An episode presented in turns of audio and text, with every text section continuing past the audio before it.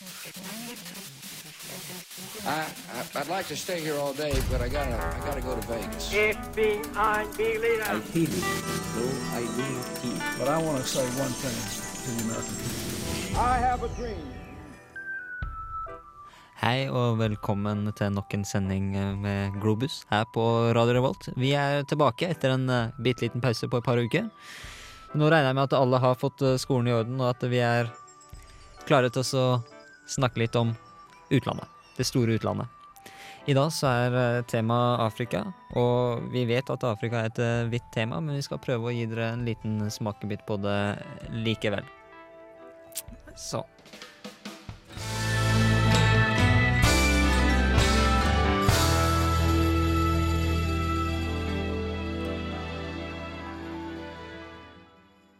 Du hører på Globus eh, her på eh, Radio Revolt. Som sagt så har vi et eh, litt hvitt tema i dag. Eh, Afrika. Vi har faktisk valgt å ta for oss et helt kontinent, så det blir Dere får bære med oss om det blir litt eh, At vi, vi har plukket ut ting som vi kanskje syns er interessant. Eh, det skal sies da at ja, hei forresten, Anders Mosen her som sitter her. Eh, Sigmund Grønli Bolme var han du hørte tidligere. Vi har også med oss Nicholas Autry og Helle Hamnevold. Eh, det skal jo sies det at vi tar jo for oss to store temaer nå i dagens sending. Det ene er jo da Ghana og litt hjelpearbeid. For vi får noen gjester etter hvert. Vi får gjester av noen, noen jenter som skal, faktisk skal ned til Ghana og drive med hjelpearbeid. Mm. Også, det er det ene.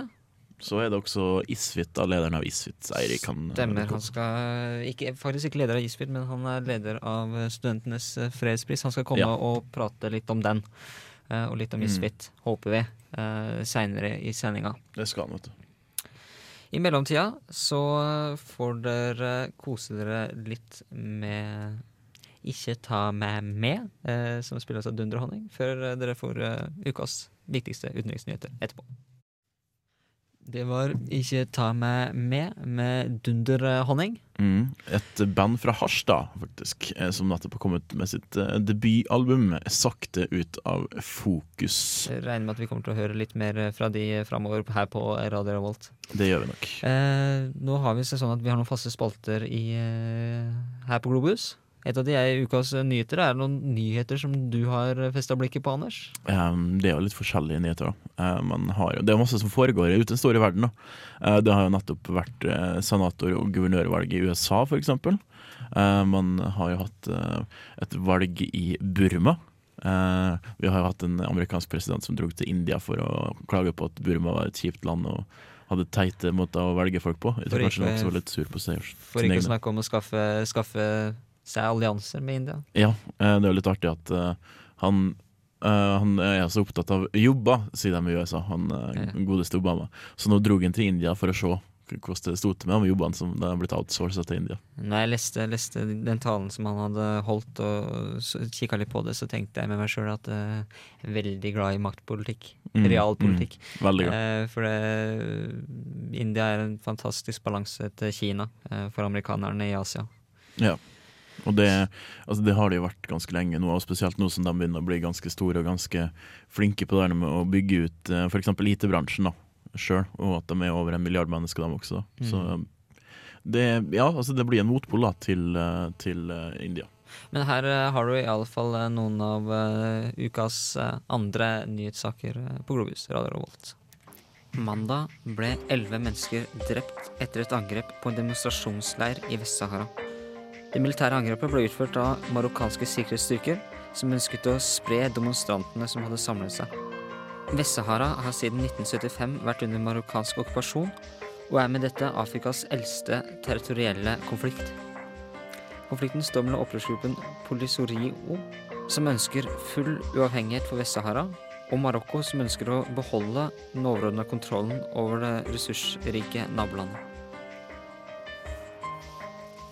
En uidentifisert missil ble tirsdag skutt opp fra havområdet utenfor kysten av California.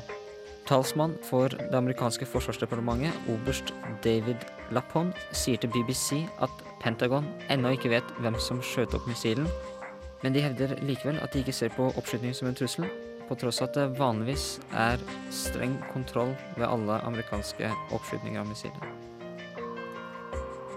Mer enn 100 tilfeller av kolera har blitt dokumentert i den haitiske hovedstaden Port-au-Prince. Sykdommen har allerede drept over 500 mennesker i resten av Haiti, og myndighetene frykter nå at sykdommen skal spre seg til de mange flyktningleirene rundt hovedstaden. Det er beregnet at opptil tre millioner mennesker står i fare for å, bli, for å bli smittet av kolera etter de voldsomme orkanene som har herjet landet. Situasjonen er ikke blitt bedre at det allerede var mange flyktningleirer rundt hovedstaden som en følge av jordskjelvet tidligere. Kina og Tyskland har kommet med sterk kritikk mot USA foran det kommende G20-møtet, etter at det ble kjent at det amerikanske finansdepartementet ønsker å pumpe 600 milliarder dollar inn i den amerikanske økonomien. Pengene er ment å skulle skape arbeidsplasser og hjelpe til med å få i gang den amerikanske økonomien. Pengene er ment å skulle skape arbeidsplasser, og de skal hjelpe til med å få i gang den økonomiske veksten etter finanskrisen. Men Kina og Tyskland mener at en så stor mengde nye dollar på markedet vil føre til en svekkelse av den amerikanske valutaen, og dermed også dårligere eksportmuligheter for andre land. Særlig Kina er meget bekymret for konsekvensene en svekkelse av dollar overfor den kinesiske valutaen igjen kan ha. Tyskerne og kineserne mener at amerikanerne nå er i ferd med å sabotere det internasjonale samarbeidet innenfor valuta som amerikanerne selv tidligere har vært med på å bygge opp. Dette melder The New York Times. Yes, da er vi tilbake igjen her på Globus, Radio Revolt FM 106,2. Du hører på Globus, som sagt. Eh, Vi har hatt om nyheter etter først, og så hadde vi Man Without Hats med Safety Dance etterpå. For å holde oss litt til temaet i dag, eh, Anders. Eh, Afrika. Ja. Den eh, situasjonen som du har i Vest-Sahara, det er kanskje en, egentlig en glemt konflikt? det? Det er en konflikt man ikke hører så mye om. Eh, Det blusser opp sånn av og til, sånn som når Yara eh, har avtaler med marokkanske myndigheter om, om fosfatutvinning og sånne ting, og fisking og alt mulig sånn utenfor kysten. da. Som er liksom, det er litt sånn shady der når man driver på og henger rundt i okkupert territorium og kommer med en billig avtale der. Ja, ikke sant. Uh, og det som du ikke hørte Du hørte i denne saken tidligere, så hadde, var det elleve mennesker som hadde blitt drept uh, pga. Uh, sikkerhetspoliti som hadde rykket inn i en demonstrasjon. Eh, men eh, de um, opprørerne hevda jo faktisk at ved siden av de elleve som var drept, så var det over 500 mennesker som var uh, såra. Ja. Og fryktelig mange som har blitt arrestert. Um, det, her er jo, det her er jo en ting som har eh, skjedd i ganske, over ganske lang tid. Da. Det er noe med at uh, det å holde demonstrasjoner, spesielt hvis du er sahrawi, som er da uh, den uh, den minoritetsbefolkninga som bor i Vest-Sahara, som sier at det er sitt land, det er de som også står bak Polisaria, f.eks. Um, altså de, med en gang de er ute og demonstrerer, da, så vil politiet prøve å slå det ned så fort som mulig, fordi at eh, de, altså, amerikanske myndigheter vil ha minst mulig mm, av, av både diskusjoner rundt det, da, og minst mulig at folk skal vite at det her faktisk er en konflikt. De prøver jo å si at det her er jo ikke en konflikt, det her er bare noen opprørere som bare skal lage bråk. Det er jo ikke, det er ikke en minoritetsgruppe i det hele tatt, vil jo amerikanerne si. For det, Marokko ligger kanskje litt for nærme Europa til at det er, det er behagelig å, å, å snakke om en konflikt så nærme. da. Ja, altså det Man kan vel si det sånn at det, det har jo eh, det, det er jo en gammelt eh, gufs fra den kalde krigen, det her også. Der du har eh, Marokko, da, som er blitt støtta av eh, land som Spania, f.eks., som er ganske, ganske nærme sånn, eh, samarbeidspartner, og en del andre land, eh, kontra da eh, Algerie, da, som eh, ja, som da eh, blir mer støtta av, av østblokken, da, kan du si. Som igjen da støtter Polisario, da. Som, ja. Um, og det er litt sånn Og det, derfor så er det også litt sånn at det er vanskelig for uh, f.eks. spanske myndigheter å utøve press mot Marokko, mest fordi at de egentlig ikke har lyst. Og fordi at eh, det området vi snakker om, altså Vest-Sahara, det ligger veldig nærme EU, da. Gjennom det at Gran Canaria ligger et par kilometer ute i sjøen. Ikke, ikke sant? Det er, eh, og er det, det er våre venner. Ja. Eh, litt uh, ene sitatet som amerikanerne kom med. Mm. Uh, he's a son of a bitch, but he's our son of a bitch. Rett og slett. rett og slett Og da, blir det, da er det vanskeligere, for hvis du plutselig har en, en, en borgerkrig i den plassen der, så vil det jo komme flyktninger til Spania, og Spania vil jo ikke det. Nei, Det er en annen ting. Det, de problemene som de søreuropeiske landene har med, med flyktninger, er jo Mm. Det er gått så langt at de har Uh, Italia har uh, ordna sånn at Gaddafi uh, får, får pengestøtte for å sende folk uh, tilbake over grensa til Libya. Ja.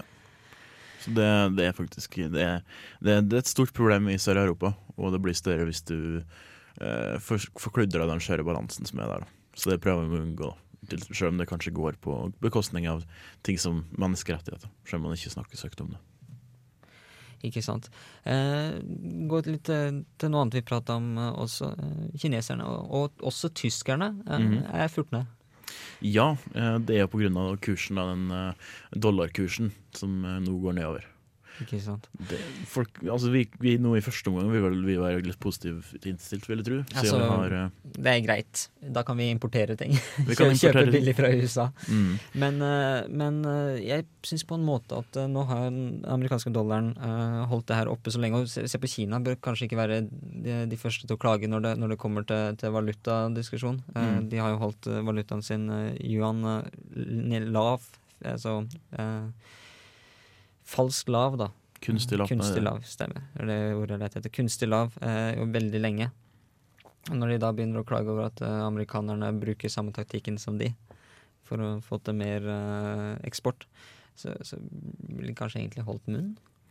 Ja, det andre er nå, det som kan være mest kritisk for oss da, i Norge, er jo kanskje at eh, altså dollarfat altså det, det fat, altså Oljefat blir jo da regna på dollaren. da Og når du da får en svakere dollar, så får du også Mindre min- igjen for uh... mindre igjen for olja. Som jeg vil jo kanskje tilsi at det blir billigere med bensin. Kanskje vi, kanskje Men vi begynner å regne olje i euro i stedet. ja, det er kanskje det, for at det blir billigere med bensin. Men eksporten til Norge kommer til å eh, Altså, eller, altså inntektene på vår eksport da den kommer til å falle også. Som gjør at da kronekursen også vil være lavere. For å fortsette å snakke litt eh, økonomi, det er ingen samfunnsøkonomer her eh, hos oss. Men, eh, men hva tror dere om G20-møtet? Hva, hva, hva, hva, kommer til å skje? Ja det, Skjer det noe noensinne egentlig på så G20-møter? Vi føler liksom at det, Kanskje det som er faren. mm, Veldig mange protester, iallfall. det er veldig mange protester. Ja. Ja. Folk får lov til å skrike litt. Mm. Nei, jeg skulle si det samme. At det kommer garantert til å bli demonstrasjoner. Men, men Sør- Sør-Korea, det er jo der det skal være. Er det så mye demonstrasjoner der? Jeg vet ikke, altså, De er jo kanskje litt mer uh, stillfarende, altså. Men jeg uh, vet ikke helt hvordan, hvordan eh, Nord-Korea vil reagere. Um, nei, jeg vet ikke åssen det er med asiater. De framstår jo som veldig rolige og beherskede. Men så ser vi, hvis du ser til eh, nabolandet Japan, så har de jo også, vet vi også at de kan være veldig utagerende. For eksempel TV. Ja.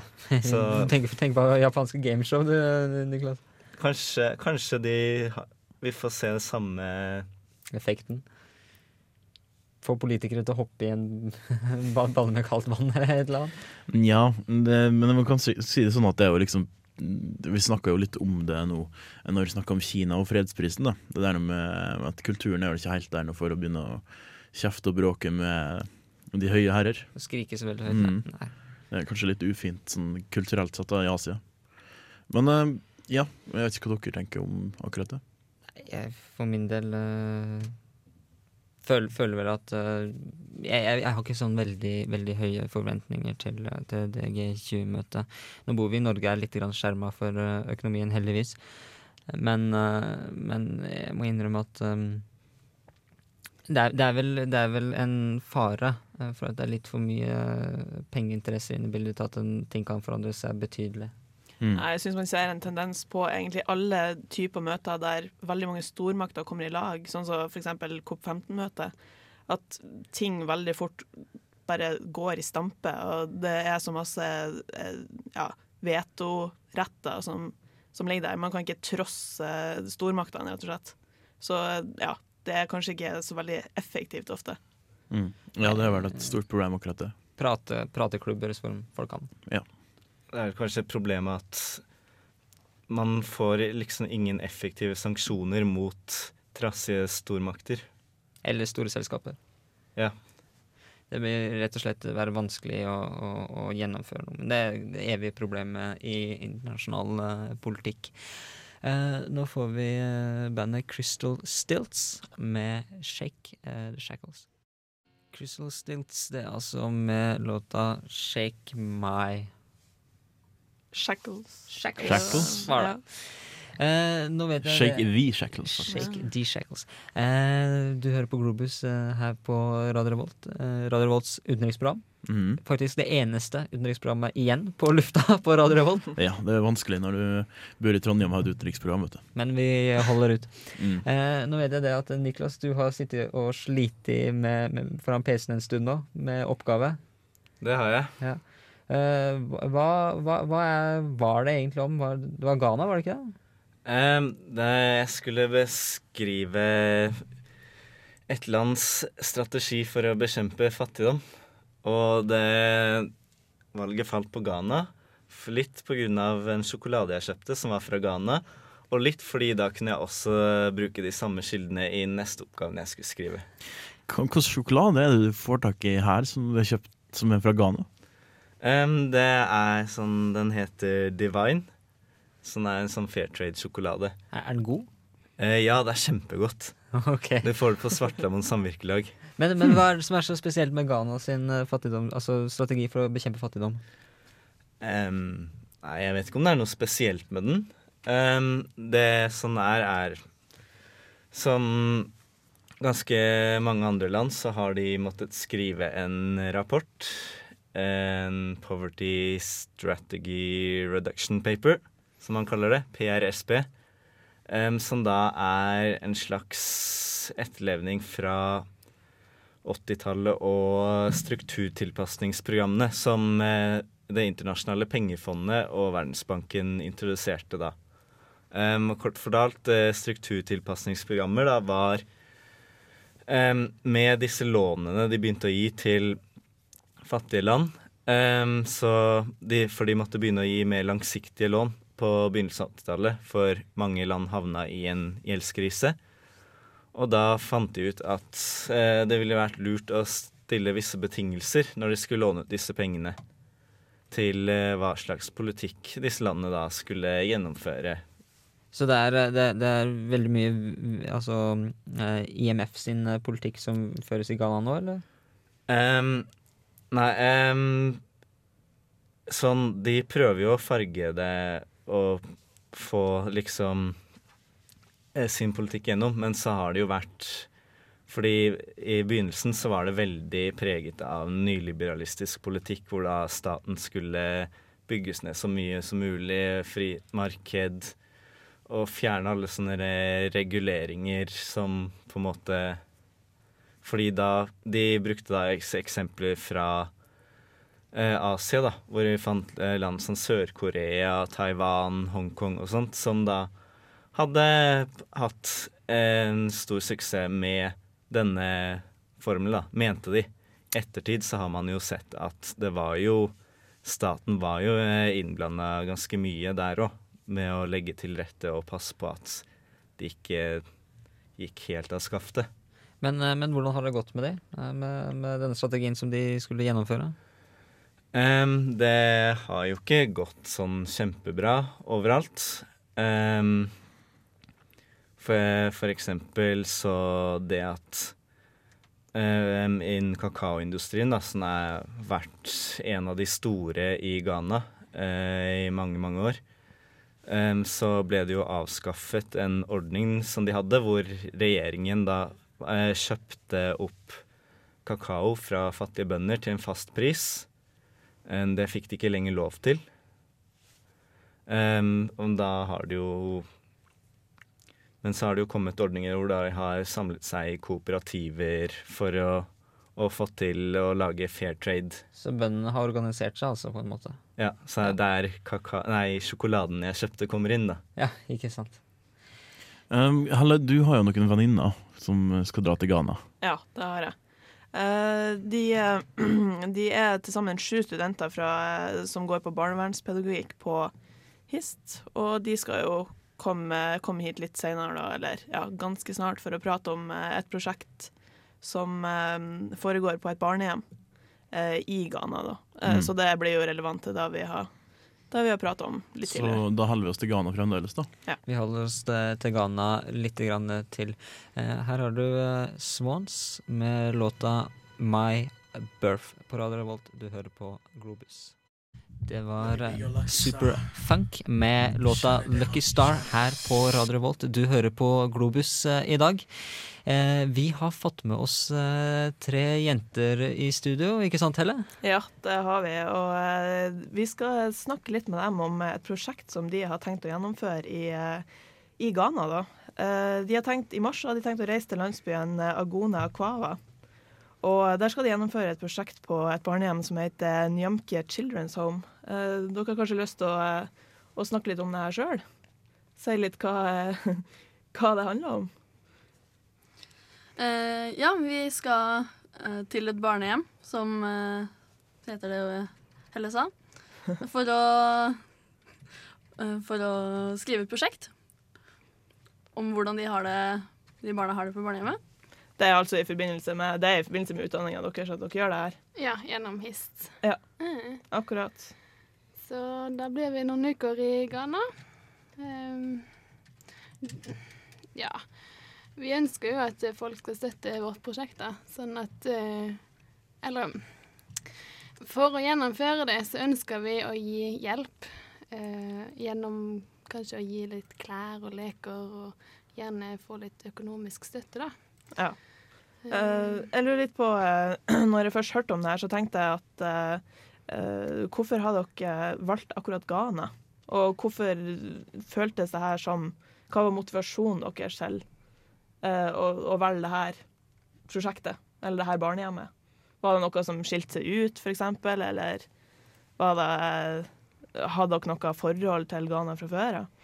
Nei, det var sånn at uh, vi hadde eh, Eller to år før oss så hadde det vært uh, andre prosjektgrupper som har reist til Ghana og har hatt eh, muntlige framføringer da, som vi har vært eh, så heldige å få delta på. Og da har vi blitt grepet av det og syns det virka veldig interessant. De har vist oss film derifra som vi syns var veldig spennende. Og eh, ja, jeg tror noen av oss har lyst til å få nytt perspektiv. Noen av oss har lyst til å oppleve en annen kultur. Ja. Mm, ja, det høres jo, det høres jo flott ut, da. Uh, jeg lurer på uh, hva slags eh, Ja, vi har jo allerede hørt litt om hvordan, hva slags måter dere ønsker å støtte barnehjemmet. Mm. Uh, hva slags, eh, hvordan er tilstanden her? Er det, har de, hva slags behov er det som egentlig finnes blant de ungene på barnehjemmet?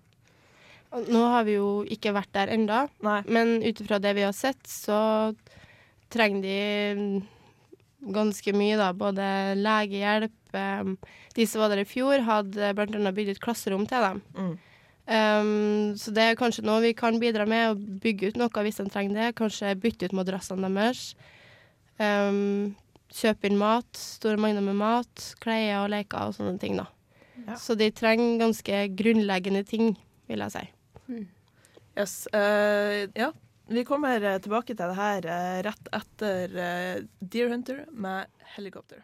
Ja, jeg sitter altså her med og Marita og Helene og Emilie, som er studenter på eh, barnevernspedagogikk på HIST. Og eh, vi prata litt om det prosjektet som eh, de skal gjennomføre i Ghana i mars. Og ja, vi vil jo vite litt mer om det her, da. Vi kan kanskje begynne med hvor, hvor mange er dere som skal reise nedover? Vi er syv stykker. Seks jenter og en gutt, faktisk. Det Han gutten setter vi pris på. Ja. Ja. Uh, jeg lurer på uh, litt sånn hva, Har dere noen konkrete ja, Lagt opp noe konkret arbeidsplan, eller uh, kanskje Hvordan vil f.eks. etterarbeidet etter dette prosjektet se ut? Nei, I første omgang så har vi jo vært nødt til å danne gruppe. Så har vi blitt nødt til å lage problemstilling. Em, og det har vi tenkt skulle uh, Vi har ikke fått den helt på plass ennå, men at det skal handle om uh, relasjon og tilknytning uh, for ungene sin del eh, i forhold til de ansatte der, andre barn og oss som besøkende, da. Eh, Jeg har eh, et li- lite spørsmål, unnskyld at jeg bryter inn. Men, men, eh, men hvor viktig er det for de, de barna som bor på det barnehjemmet her, å, å få, få, få hjelp og få, få, få, eh, få den muligheten som, som den hjelp fra, fra, fra Norge og fra Ve- Ve- Vesten gir dem. Altså, Som vi kanskje nevnte, så er barnehjemmet avhengig av eh, frivillig og veldedighet fra andre, da. Sånn at eh, de er veldig avhengige av folk som kommer og hjelper, og gir dem både økonomisk og materiell støtte. Så det, dette hadde ikke gått uten sånne prosjekter. altså. Nei, Det blir jo litt feil å si det sånn, for vi skal drive et prosjekt. Eh, og vil da være prosjektarbeidere mens vi er der. Vi vil ikke være frivillige som kommer dit og jobber. Mm. Men vi ønsker å ta med oss støtte dit når vi kommer. Eh, økonomisk og materielle ting. Eh, og jeg tror de synes det var veldig viktig for dem at vi kommer, selvfølgelig. Men det Ja. Ja. Eh, du, før du Du sa litt om at dere skal studere altså relasjonsbygging. Mhm. Mellom, eh, er det på en måte mellom hjelpearbeiderne og ungene, da? Yep. Ja. Hjelpearbeiderne, eller ja, oss som besøkende og ungene. Mellom barn og barn, og mellom de som jobber der og barna som er der. Ja. Så det blir på en måte tre sånne punkter da vi skal se på. OK. Mm. Det, blir det her eh, holdt på å si, en stor rapport da, i slutten? Ja. Det blir det. Ja, akkurat. Eh, vi kommer kanskje til å ta med oss videokamera og videodokumentere noen ting. Eh, og så kommer det til å bli en stor rapport som vi skal skrive. Og så må vi ha en muntlig framføring da, i etterkant. Så det blir en god del etterarbeid. Uh, yes, det, vi kommer litt tilbake til det her uh, senere. Nå får vi uh, 22 med Flux. Yes, eh, det var altså Flux med låt Nei, unnskyld, det var 22 med låta Flux. Eh, vi eh, har med oss eh, tre jenter her i studio som faktisk skal ned til Ghana og om ikke jobbe veldig lenge, men jobbe litt med et barnehjem der nede. Samle inn, samle inn ting. Og vi snakka litt tidligere om hvordan disse barna hadde det, hadde det på barnehjemmet. Altså hvor viktig det er at de, de får litt hjelp. Så hvordan, hvordan er forholdene der nede for, for disse ungene som bor på et sånt barnehjem? Det er iallfall veldig forskjellig fra Norge, men det som er viktig for oss når vi reiser ned, er å huske på at eh, vi ikke må sammenligne med Norge. Fordi Norge har ja, litt mer vel, velutvikla enn eh, land i Afrika. Og eh, forholdene i på det barnehjemmet som vi skal reise til, vet du kanskje litt om, men ikke helt. Men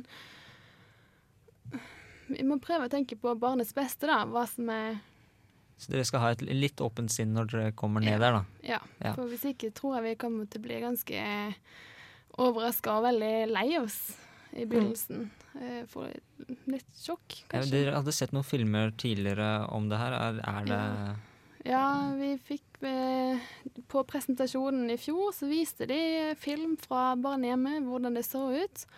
Um, det lå gjerne medisiner, kniver, sprøytespisser og sånt liggende på, på bakken. Og eh, ungene sov nakne på bar bakke. Så ja, ganske andre forhold enn i Norge, da.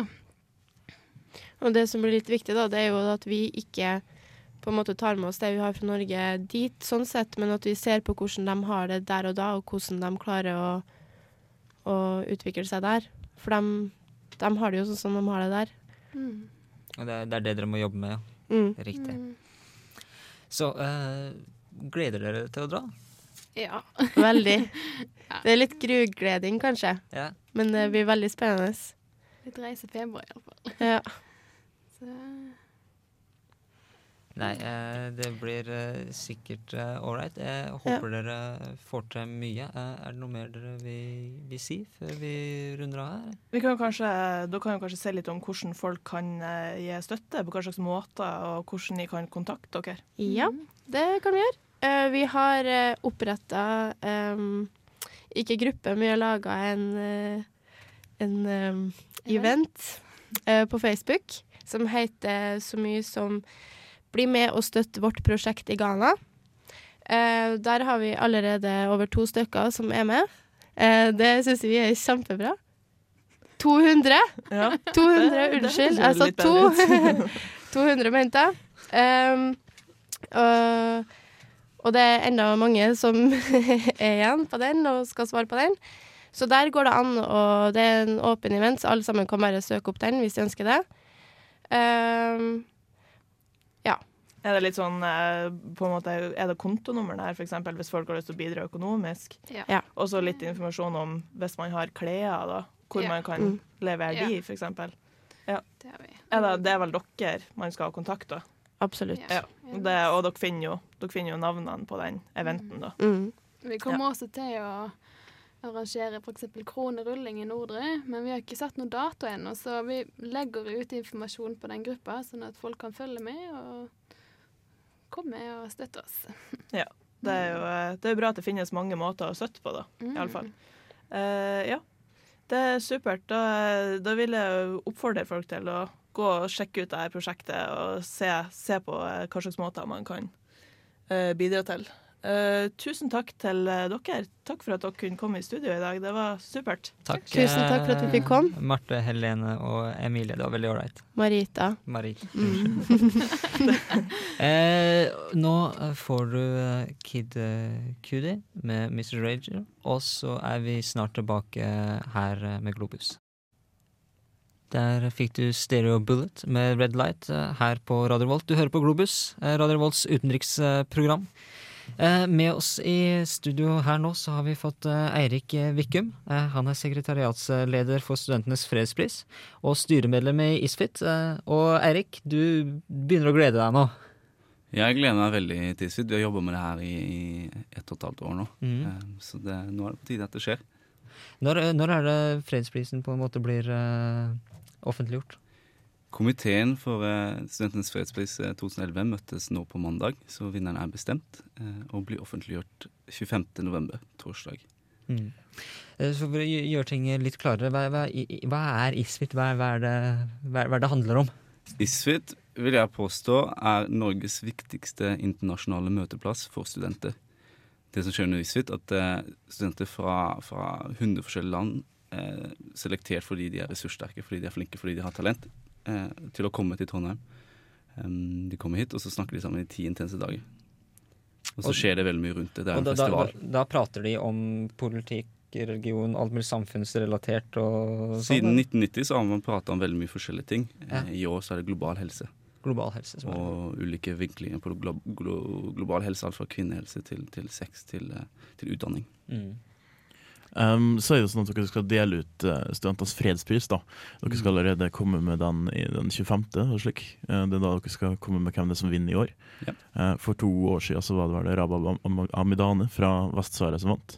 Ja. Um, hva er det som altså, hva, hva, hva er det det innebærer det der å vinne Studentenes fredspris? Studentenes fredspris er en spesiell pris. Det er mange priser som blir delt ut, men Studentenes fredspris er spesiell fordi den går fra studenter til studenter. Så det er to aspekter her. Em, for det første så er det viktig for oss som er studenter, for vi skal, vi skal bo i det landet lenge, i, verden lenge. Det er viktig for oss å, å bruke de mulighetene vi har til å påvirke eh, verden i en, en god retning. Og da er Studentenes fredspris en ypperlig måte å gjøre det på. Så det at vi er studenter som gir prisen, er spesielt. På den annen side, sånn som Rabab, hun er student. Eh, det betyr at hun er uerfaren, eh, relativt sett, i forhold til eh, Obama, f.eks., som fikk Nobels fredspris sist. Studentenes fredspris gis til folk som, som gjør en fryktelig viktig innsats, men som ikke er kjent Mm. i stor grad. Så Derfor så har den også en veldig stor effekt for de som får den. Så det er som, det er som på en måte en gulrot for folk som jobber hardt. At den, nå blir du anerkjent, og da kan du fortsette å gjøre den jobben. Jeg vil ikke kalle det en gulrot. Eh, Diego Marin, eh, som, som ledet eh, ACEU, som vant i 2005, han beskrev Studentenes fredspris som en, et verktøy som, gjorde at, det- som hjalp dem i deres arbeid, men også som et skjold. Internasjonal anerkjennelse gjorde at det var vanskelig for myndighetene i Colombia å, å forfølge ACEU i deres arbeid. Um, hvor lenge har dere delt ut Studentenes fredspris? Studentenes fredspris har blitt delt ut, delt ut siden 1999 og deles ut annethvert år eh, sammen med på under i SVIT, altså. Så det er sjuende gangen nå i februar. Så, så hvor mange nominerte er det dere har, og hvordan er nominasjonsprosessen rundt eh, den, denne prisen? Det er to ledd i, eh, i, i, valget av en vinner i den prosessen. Det første er at eh, vi i sekretariatet setter ned et utvalg, rekrutterer et utvalg på fem studenter fra hele Norge. Som, som da utreder kandidater, sanker inn nominasjoner og, og lager en rapport på minst tre kandidater. Som da presenteres for fredspriskomiteen. I år så har, det, har, det, har andre Ole Damrup Mjøs, Børge Brende og Gro Holm vært eh, med i komiteen. Men eh, flertallet av, eh, av medlemmene av komiteen er studenter. Ja, Så det er, det er også et samarbeid i- innad i hele landet. Det er ikke bare Trondheim det er snakk om. Det er, dere får studenter og folk fra hele Norge. Ja, I komiteen i år så er det vel bare en, en trønder. Det var Anne Karine Nymoen, som, som er leder for Norsk studentorganisasjon. Mm. Og Børge Brende, han er jo fra, fra Trondheim. Han er ikke student. ikke sant? Um, hvilke organisasjoner er det som anerkjenner og som støtter Studentenes fredspris? Ja, det er eh, et godt spørsmål. Eh, Jeg vil heller spørre hvilke personer er det som anerkjenner Studentenes fredspris. I komiteen så har vi som sagt Jo Oldam Mjøs, blant annet. Som eh, var leder av Nobelkomiteen fra 2003-2008. Kjell Magne Bondevik, Jan Egeland, Anne Grosvold. Mange har sittet i komiteen og, og vært en helt sentral del av, av det å dele ut prisen. Altså en enorm anerkjennelse for, for arbeidet. Mm. Og så samarbeider vi veldig tett med Norsk studentorganisasjon og, og SIH-studentene og Akademik- Akademikernes internasjonale hjelpefond, som er eh, to helt sentrale norske studentorganisasjoner. Eh, Hvilke gjester kan du da forvente da på neste års Isfit? Kan du si litt, gi litt navn? Har du lyst til å tise litt? Jeg kan ikke si noe som helst. Det jeg kan si, er at eh, som Desmond Tutu, Hans Blix, Guro Harlem Brundtland eh, um, Wangari Matai, Shirin Ebadi har kommet før. Eh, de kom fordi eh, de syns at det er et aktivt valg fra deres side. For de mener at det er, det er verdt det. Og de grunnene til å komme er der fortsatt, så vi, vil, vi bør alle forvente store navn til ISU 2011 også. Mm. Du har noe som kan tangere Desmond Tutu, eksempel? Det vil jeg ikke si noe om. Vi får glede oss til å se. Yes, Først er det litt av låt. Vi skal, hvordan, uttaler du det, Anders? Eh, Dendron? Dendron må jo være korrekt, da. D3N-D-R-O-N. Yes, Bounce Back to the Future eh, heter låta. Mm. Vest-Sahara, som ligger mellom Mauritania i sør og Marokko i nord, har periodisk vært okkupert av begge nabolandene siden Spania ga ifra seg denne kolonien i 1975. I 1979 trakk Mauritania seg ut etter fredsforhandling med frigjøringsbevegelsen Polisario. Marokko var raskt ute med å invadere de frigitte områdene og okkuperer nå mesteparten av landet. My name is Rabab Amaidan, and I am Sahrawi from the from Western Sahara occupied territories, from the capital Ilayun, and I'm a university student studying English in Marrakesh, Morocco, uh, and I'm a human rights defender in a human rights organization. It's really so difficult to be a Sahrawi, especially under the Moroccan occupation, because Sahrawi people are now struggling to get their rights to self determination. They are sta- staging uh, frequent demonstrations calling for their uh, liberation of their land and calling for their right to self determination and independence. And uh, Moroccan authorities always. Put down those demonstrations so harshly. They stormed the houses of Sahrawi families. Whole families subject, are subjected to detention, forcible disappearance, and torture and uh, arrestment just for being uh, taking part in those peaceful demonstrations. I was with my fellow students in uh, the in Marrakesh in the university staging a demonstration calling for our right to self-determination.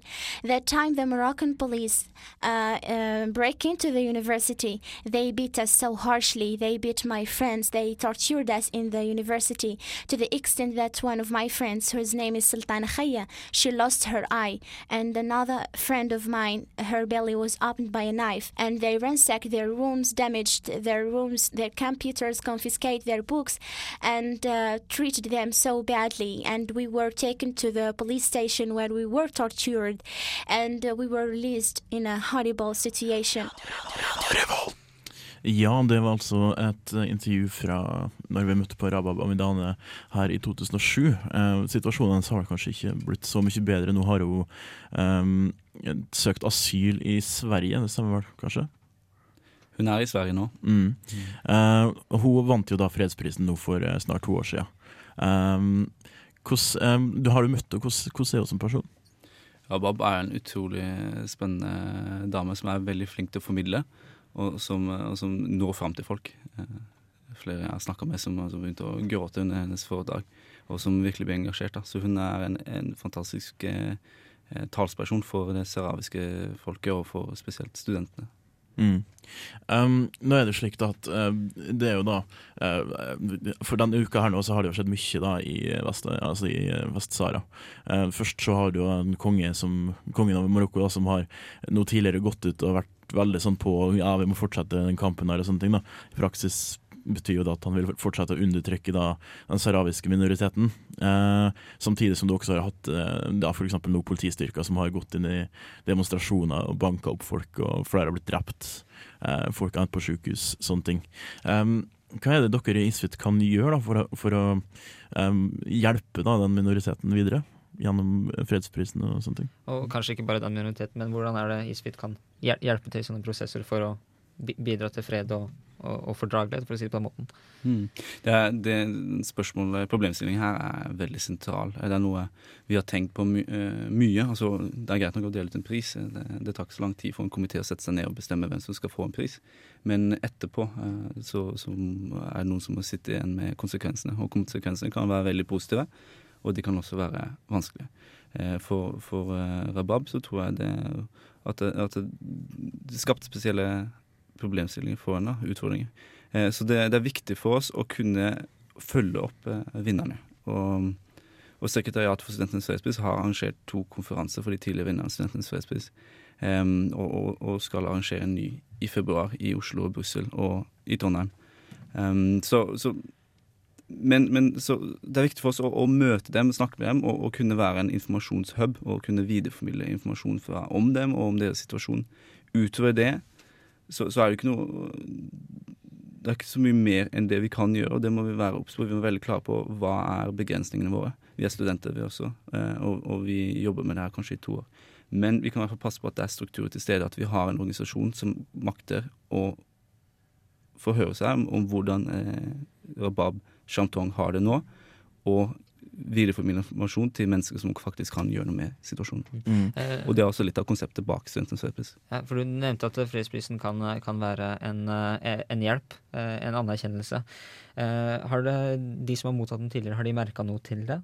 Har de, har de nevnt noe for dere? Sånn, at, at fredsprisen har hjulpet dem? da?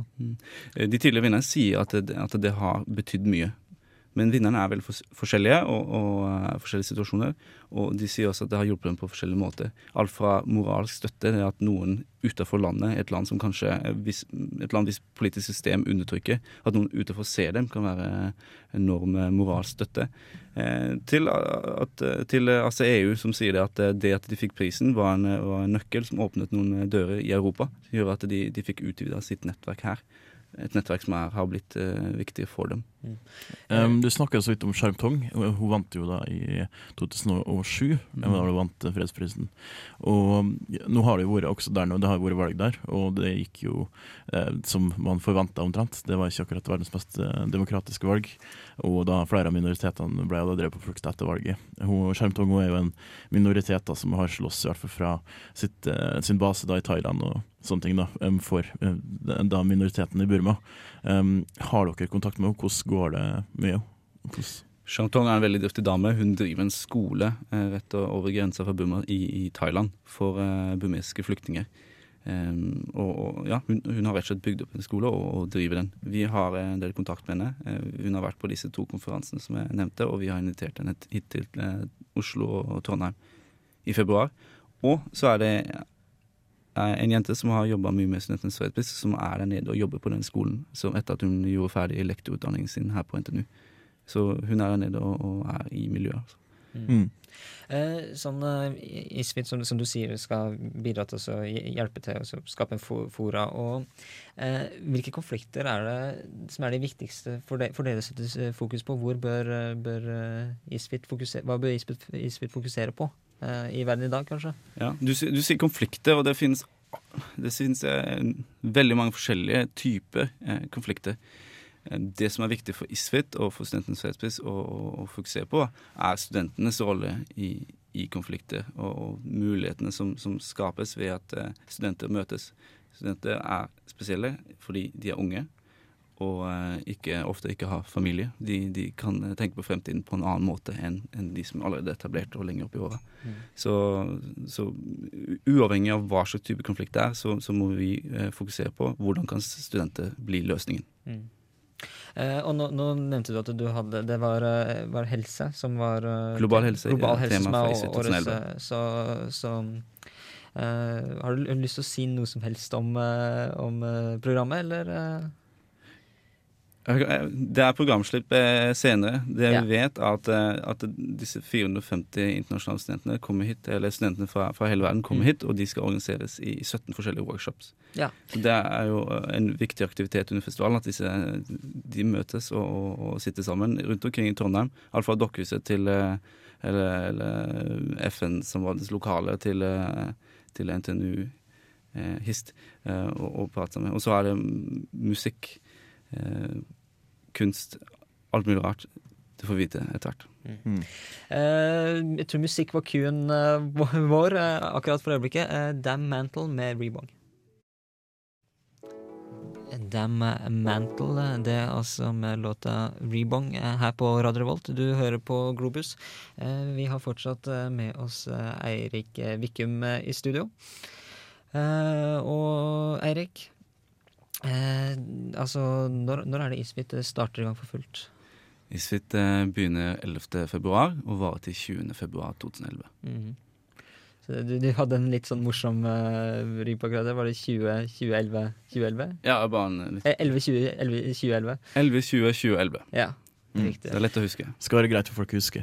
Um, men eh, så er det jo sånn eh, Det er et problem som alltid dukker opp da eh, når det kommer nye studenter til byen, uansett hvor tid det er på året, og det er bosituasjonen. da Og det var jo I fjor så var det Det gikk jo bra, men det var jo um, litt hektisk arbeid de ukene før Isfit begynte, for- i 2009, mener jeg, um, rundt det der med å få plass til alle sammen. da um, hva, er, altså, har du, har du, hva, hva er det dere gjør for å prøve å få folk til å bli med og eh, innlosjere studenter nå? Det viktigste vi kan gjøre, er å, å, være synlige, sånn at eh, folk vet at eh, vi er der og får lyst til å være med. Jeg vil si at den verteordningen er helt spesiell. Det at, at 450 studenter får, får bo privat hos folk i Trondheim, er, det er jo helt, helt vilt, egentlig, og, og veldig spennende. Um, så det er mange studenter som, som innlosjerer eh, altså de studentene som kommer, og så er det mange privatpersoner altså i, i Trondheim. Trondheims befolkning, rett og slett. Og det, ja, så den, denne kontaktflaten mellom Isfit og Trondheims befolkning er, er veldig spennende for oss å jobbe med. Det er kult. Men hvordan, ligger det an nå? Har dere fått folk som har meldt seg frivillig, eller er det Deltakerne ble invitert 1.11., så, Ja, så det så det er Litt noe tidlig. Som, det er litt tidlig. Uh, en annen eh, ting som, som gjør at det er spennende å jobbe med også, er at, eh, at vi vet ikke nøyaktig antallet Nei. um, studenter som kommer. Så, det, så, så noe sånn justering blir det til slutt. Men uh, vi har et veldig spennende prosjekt i år som heter Walk of Peace, uh, som er i Midtbyen, eh, hvor, hvor vi får lagt ned plaketter til, til, for å ære de tidligere vinnerne av Studentenes fredspris i Jomfrugata. Og det har fått mye oppmerksomhet i, i Adressa annet, og det håper vi også kan hjelpe oss med å, å nå fram til Trondheims befolkning. Mm. Og få de til å få lyst til å bli med på Isfit ved å ha en student fra Afghanistan eller Ecuador det vil kanskje være en mulighet for mange å få oppleve en litt annen kultur, og så oppleve eh, andre, andre mennesker litt, litt på kroppen, da. Ja. Jeg tror mange syns det er veldig spennende, så jeg håper at eh, folk melder seg. Det vil snart være mulig. Eh, Men eh, sånn, av de som, de som tar inn folk, er det mange som går igjen? Mange som har gang på gang, eller er det ny, mange nye hvert år som prøver dette her? Jeg har ikke detaljkunnskap om, om akkurat det, men det vi vet, at de vertene i 2009 fikk en verte-T-skjorte. Og den er å, å spotte på City Syd og rundt omkring i byen eh, fra tid til annen. Så det finnes folk som, som går rundt med den T-skjorta. Hva skal til da, hvis noen som hører på har lyst til å bli en sånn verts, eh, vertsfamilie? Hva skal ha til for at eh, man får lov til å bli det? Det er ikke så mye til. eh, Vi vil si ifra når vi begynner å, å, å registrere folk. Ja. Så det skal vi passe på å si ifra om i god tid. Hvor søker folk for å bli det? Ja, det blir på, på isfit.org, og så sam, og søke til, til den delen av organisasjonen som jobber med verter. verter. Yes. Uh, jeg tror jeg vi skal si at det er veldig koselig å ha deg i studio, Erik. Veldig er koselig å være her. Prate litt uh, om Misfit, og så regner jeg med at vi kommer tilbake til dette temaet i Globus uh, seinere. Det gjør vi fort. Ja. Mm. Det er noe sånn at Vi skal prøve å dekke det som skjer av det utenrikssaker eh, her i Trondheim også. Uh, vi kjører en eh, liten låt eh, før vi går over på ukas alternative synspunkt. Eh, her har du Luisa Maita med låta Liro Liro. Ukas alternative synspunkt. Ja, det er ukas alternative synspunkt her på Globus. Um, I dag skal, skal vi snakke litt om uh, noe som kan være ganske alvorlig. Uh, vi skal snakke om eh, ja, en, rett og slett eh, folk som prøver å svindle det for penger. Og ikke hvem som helst heller, men gjerne afrikanere som prøver å svindle deg for penger. Ja, det stemmer, folkens. Vi prater tross alt om Afrika i dagens sending.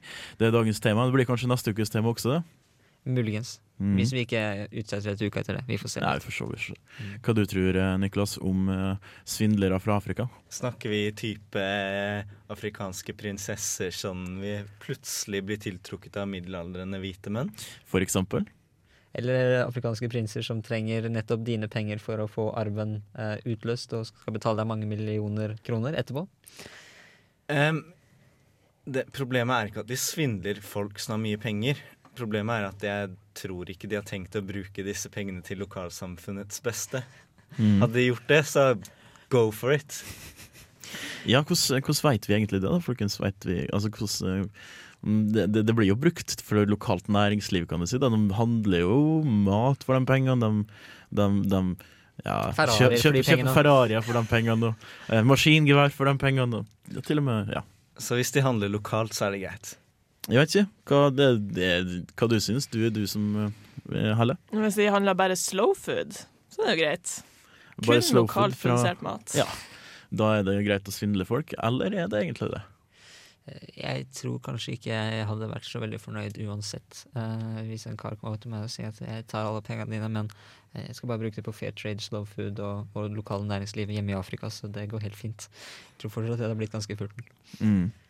Um, ja, eh, vi laga jo en liten, liten uh, reportasje, da. En ganske Vi gjorde det, vi holdt på å bli lurt, gjorde vi ikke det? Ja, vi holdt på å bli lurt, ass. Det gjorde vi. Heldigvis så kom Ragnhild og redda oss. Eh, Ragnhild, hun ble Daglig leder. Ja. Eh, vi kan si det sånn, hun gjorde det. Ja. Eh, men her får du i hvert fall eh, det vers vår vesle gravereportasje om eh, 419-scams, altså e-mail-scams. En dag i november satt en liten gjeng i Radio lokaler og sjekka mail. Du, du Sigmund, jeg har litt lite penger for tida. Jeg vet ikke hva jeg skal gjøre med det her.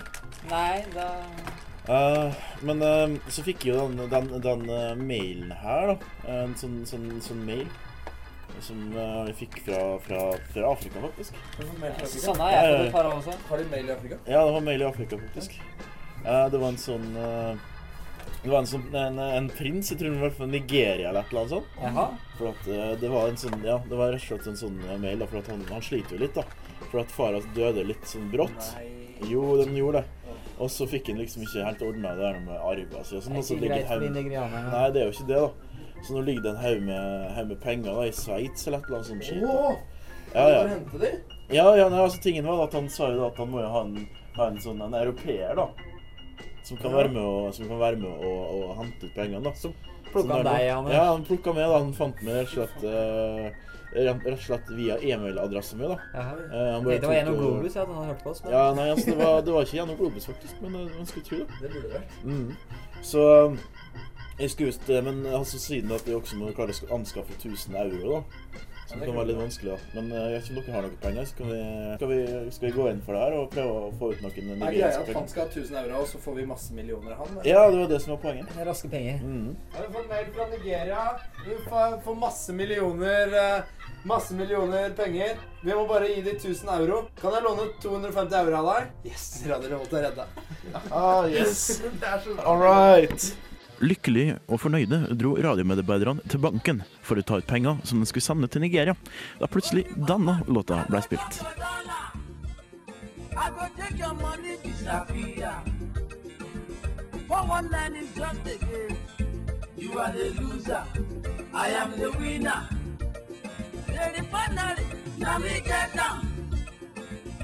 Kunne være at han var blitt utsatt for et svindelforsøk. Og hva ville daglig leder si? Faen, Anders, at du måtte hoppe på den mailen her. Du skjønner jo at det ikke er, det ikke er seriøst. Har du ikke fulgt med nyhetene på flere måneder? Nigeria-brev, Anders. Hallo. Åh, jeg, åh, jeg setter pris på innsatsen, altså, men prøv å redde radioen på en annen måte. Vær så snill. Dere skjønner Dere jobber jo i Globus, for faen! Det var best å returnere snarest mulig og undersøke hva 419-scams er, og hva som kan gjøres for å ta svindlerne.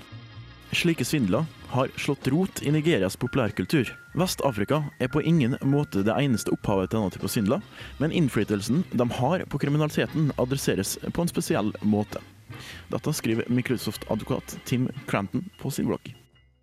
Svindlerne blir oppfatta som rebelske og mystiske, og produserer til og med låter som feirer sin egen frekkhet. Som f.eks. den vi nettopp hørte i I Go Chappy Dalla. Der en nigeriansk mann brukte pengene han svindla til seg, på å lage en musikkvideo om nettopp det å svindle. Men det finnes folk som jobber mot svindlerne, såkalte scam-baiters. En scam-baiter later som om han eh, biter på et svindelforsøk, men lurer svindlerne til å bruke tid og ressurser til ingen nytte. Målet er å oppholde svindlerne slik at de ikke svindler andre, og ydmyke dem så mye at de slutter. Ydmykelsene kan være alt mulig, fra eh, å få svindlerne til å reise land og strand etter penger, såkalt safari, til å sende bilder av seg sjøl i pinlige situasjoner, som dermed blir publisert på internett. Under navnet Troy McClure fra Simpsons skal en av scambaiterne ha lurt en nigeriansk svindler til å bruke masse penger på å leie en båt og GPS-utstyr for å hente en flytende koffert med penger utenfor kysten av Nigeria. Båtturen endte, ifølge e-poster fra svindleren, gjengitt på McClures nettside, med motorhavari, redningsoperasjon og en svært sjøsjuk og blakk og veldig sint nigeriansk svindler. Boom. Paranoid med Black Sabbath var det der. Eh, Globus i dag er eh, begynt å nærme seg veis ende. Ja. Vi skulle kanskje egentlig hatt en time til når vi har et tema så vidt som Afrika, Anders. Ja, det er egentlig bare én ting å gjøre, og det er jo det å kanskje ha det temaet noe flere, flere ganger, tenker jeg. Ja, I nærmeste ukene så kommer det nok antageligvis ett, eh, en Afrikasending til. Så det er bare Det å fort eh, høre på oss eh, videre. Mm. Eh, her eh, i eh, studio i dag så har du hørt eh, Sigmund Grønli Bolme, det er meg. Du har hørt eh, Anders eh, Småsund, -hmm. Helle Hamnevold Ja. og Niklas eh, Vi er eh, gjengen i Globus. Ja. Du kan jo eh, sende oss tips, hint, vink, kommentarer på vår fantastiske e-mailadresse. Temaer, hvis det er noe dere vil høre på. Om dere har lyst til å komme i studio, prate Så med er oss, det jo det helt greit. så er det åpent for det. Mm. Uh, Så lenge du har noe fornuftig å si, da. Det, du kan ikke bare komme inn og snakke om hvorfor katten din drog til USA. Nei, vi vil gjerne ha en mail på hva du tenkte å prate om først. Ja, Hvis det. noen har en katt som har dratt alene til USA, så vil jeg absolutt høre om det.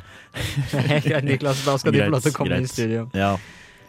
Um, ja, jeg vet ikke hvor mye mer det er å si, egentlig. Vi kan egentlig bare si uh, ha det bra fra alle sammen her i studio. Ha det, ha det. Du Ha det. hører som vanlig uh, The Flower Kings med låta 'Ghost of the Red Cloud' her på Radio Revolt. Ha det Ha det fint. bra! Ha det.